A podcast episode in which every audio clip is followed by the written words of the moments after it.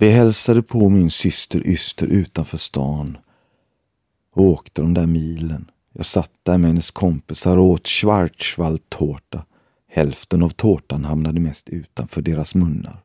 Åke petade sig hela tiden i ögat med en sked. Det kliade väl. Sen var det Marie-Louises andra kompis, Naomi. Hon satt och speglade sig i handen. Handen var som en spegel, hon var vacker, orientalisk, som klippt ur en James Bond-film. Hon höll upp handen hela tiden, rörde den fram och tillbaka, tittade på sig själv i handen. Det var som en stumfilm. Vi andra var utanför hennes egen bubbla. Marie-Louise och hennes kompisar var speciella. De var trolleribarn. Original. Behövde vård och hjälp med allt. Men såg ut som mig i hud och skinn. Med munnar och ljud. De pratade inte. De lät. Det var så tydligt att de var fast där på Sagåsens vårdhem, som det hette, i Kållered. Där skulle de vara. De kunde inte välja. De kunde inte åka till Jönköping och hälsa på farmor eller åka utomlands eller åka på indianläger. Mamma märkte tidigt att något var fel när Marie-Louise försvann in i sin egen värld. Jag gick om henne i utvecklingen fast jag var nästan två år yngre. Hon dunkade huvudet i väggen när jag skrattade och lekte.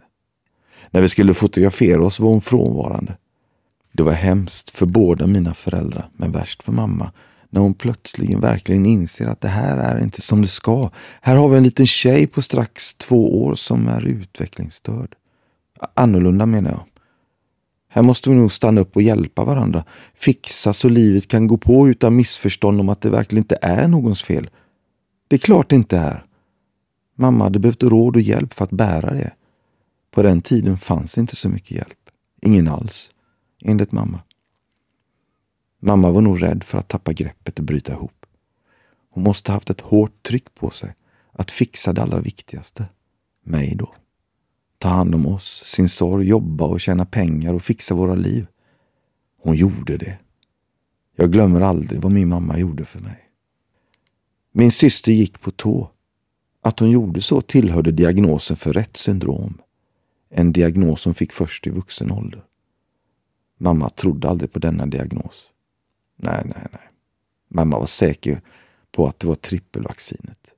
Barnen på 60-talet fick feta sprutor i ryggen mot difteri, stelkramp och kikhosta. En del barn tog skada av att få det vaccinet. Jag fick inte den sprutan. Mamma var säker på att det var orsaken. Pappa däremot trodde väl mer på det läkarna sa.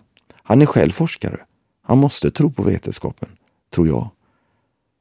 Rätt syndrom är en mutation längst ut på X-kromosomens långa arm vilket gör att barnets normala utveckling avstannar. Det lät som matematik för mig. Med X-kromosomer hit och dit.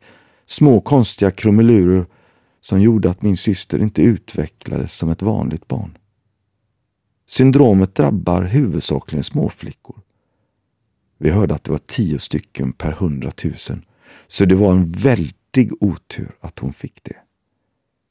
Ibland kom Marie-Louise och hälsade på mamma och mig i Gårdsten. Det var alltid nervöst. Vi var sårbara när vi gick från taxin till hissen. Det var som att jag inte ville visa upp henne för de andra på gården. Det gjorde ont. Det blev bättre när vi var inne i lägenheten, för då var vi själva och det var okej. Okay. Då var det bara vi och ingen som kunde se oss. Jag kunde leka med henne i min egen takt. Jag behöver tänka på henne. Jag tänker på henne. Jag saknar henne. När jag skriver om henne finns hon fortfarande. Vi satt i hammocken och gungade. Jag och mamma och Marie-Louise. Vi hälsade på det nya boendet i Torslanda. Pappa var med också och kanske morfar. På högtidsdagar brukar vi åka dit. Jag tänker på henne mer och mer. Tycker om att skriva hennes namn. Marie-Louise. Jag älskar hennes namn. Marie-Louise. Kanske, om jag får en dotter, får hon heta det. Det vore som att ge en chans till ett nytt liv för namnet som kan få göra mer än vad min syster kunde.